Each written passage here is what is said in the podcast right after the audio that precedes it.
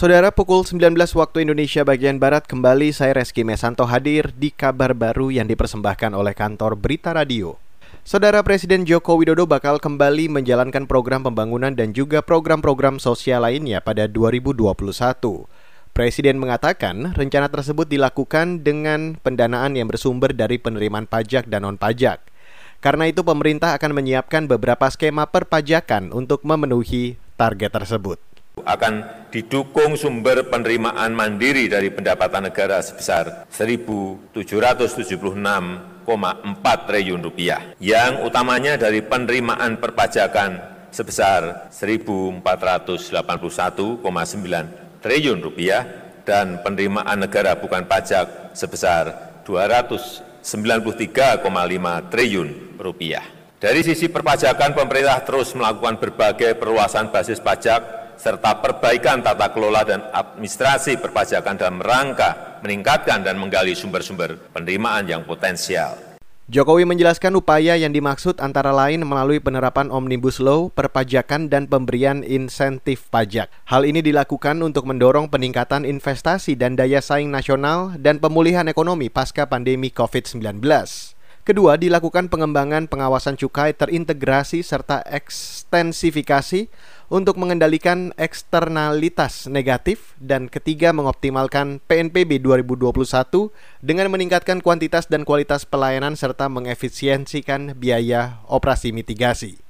Beralih ke informasi selanjutnya, ribuan kombatan Gerakan Aceh Merdeka atau GAM di Provinsi Aceh masih menganggur. Itu lantaran belum direalisasikannya janji pemerintah pusat dengan GAM terkait pemberian lahan bagi kombatan.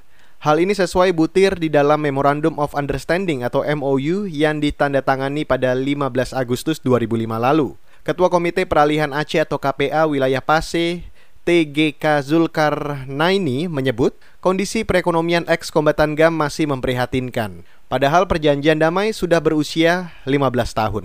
Disebutkan dalam MOU kan GAM reintegrasi dalam masyarakat dan di, di, akan dibenah ekonomi melalui di, dengan pembagian lahan dua dua hektar seorang. Nah, jadi satu, satu orang gam. Sampai hari ini belum. Sampai hari ini belum. Satu orang pun. Satu orang pun. Berapa banyak? Mestikan belum. Ketua KPA Wilayah Pase TGK Zulkarnaini mendesak pemerintah segera merealisasikan bantuan lahan bagi bekas kombatan GAM sebagai bagian dari upaya pemulihan ekonomi akibat konflik. Menurutnya hal ini demi tercapainya nota kesepahaman MOU yang ditandatangani di Finlandia tersebut. Saudara ratusan masyarakat Kota Semarang yang tergabung dalam Aliansi Gerakan Rakyat atau GERAM menggelar aksi demonstrasi di depan gedung DPRD Jawa Tengah. Perwakilan dari GERAM Alvin Afriansyah menegaskan, aksi demonstrasi yang dilakukan di tengah pandemi COVID-19 itu menuntut pencabutan dan pembatalan Omnibus Law yang saat ini dibahas DPR dan pemerintah. Hari ini sih sekitar 200 orang ya Mbak. Uh, untuk elemen yang terlibat mulai dari masyarakat sipil, buruh, aktivis lingkungan sampai dengan komunitas jaringan di Kota Semarang. Uh, terkait tegas ya, artinya sebenarnya uh, dari kemarin kita konsisten untuk menolak atau menggagalkan pembahasan omnibus law. Itu yang pertama karena uh, kedua terkait dengan isu pendidikan yang saat ini juga sedang gencar. Terus yang ketiga terkait dengan isu PHK. Saat ini sekarang sudah lebih dari berapa juta, 6 juta kalau nggak salah ya uh, yang sedang di PHK maupun dirumahkan. Pemerintah dalam kondisi saat ini, Mbak Anin, uh, nggak ada sikap yang tegas. Perwakilan dari Gram Alvin Arfriansyah khawatir pengesahan RUU Omnibus Law akan merugikan serta memperburuk kehidupan buruh dan menyengsarakan masyarakat kecil. Ia mencontohkan PHK yang marak terjadi di tengah wabah COVID-19 serta akses pendidikan daring yang memberatkan masyarakat menengah ke bawah dalam aksinya Geram menyuarakan tujuh tuntutan, antara lain gagalkan Omnibus Law RUU Cipta Kerja, berikan jaminan kesehatan, ketersediaan pangan dan pekerjaan dan upah layak untuk rakyat.